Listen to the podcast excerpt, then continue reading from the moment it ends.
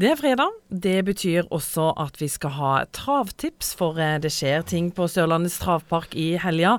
Det er V65 og Ingvar Ludvigsen.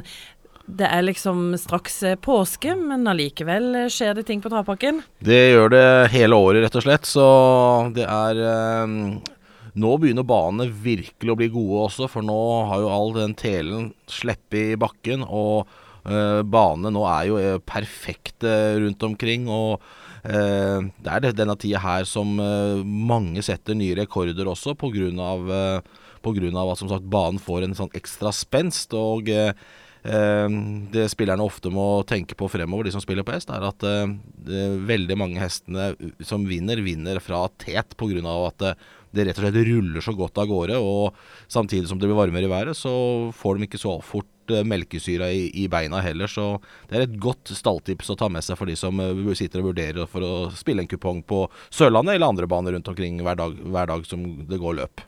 Nå skal vi få eh, tipsene dine og en kupong til 420 kroner, og her kommer eksperttipsene. Ja, vi får håpe det. Vi starter rett og slett med singelstrek i det første løpet.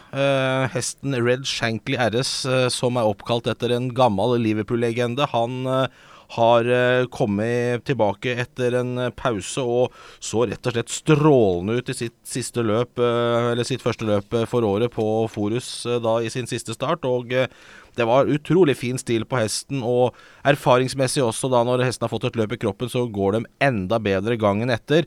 Så vet han møter et par gode hester her, men jeg tar en liten sjanse selv fra et spor litt langt ute. I et uh, forholdsvis lite felt så får han seg en fin posisjon, kjører fram utvendig, og jeg tror rett og slett han har en solid sjanse til å vinne, selv om han må gå utvendig for lederen. Så Red Shankly RS, det er en frekk banker, men uh, jeg tror like så godt han vinner det løpet. Så tar en liten sjanse i det første løpet på nummer syv Red Shankly RS.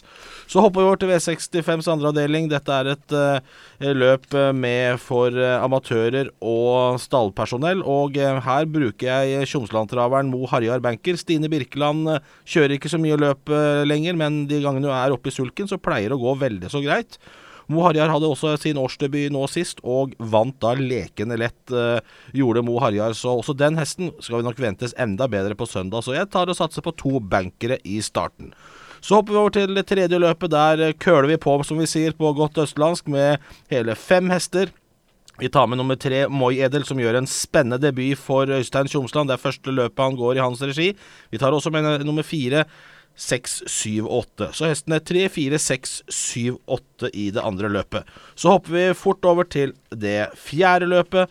Der har vi med oss hele seks hester vi spiller. Hestene 1, 2, 4, fem, seks og åtte. Da har vi kun to avdelinger igjen før pengene skal utdeles.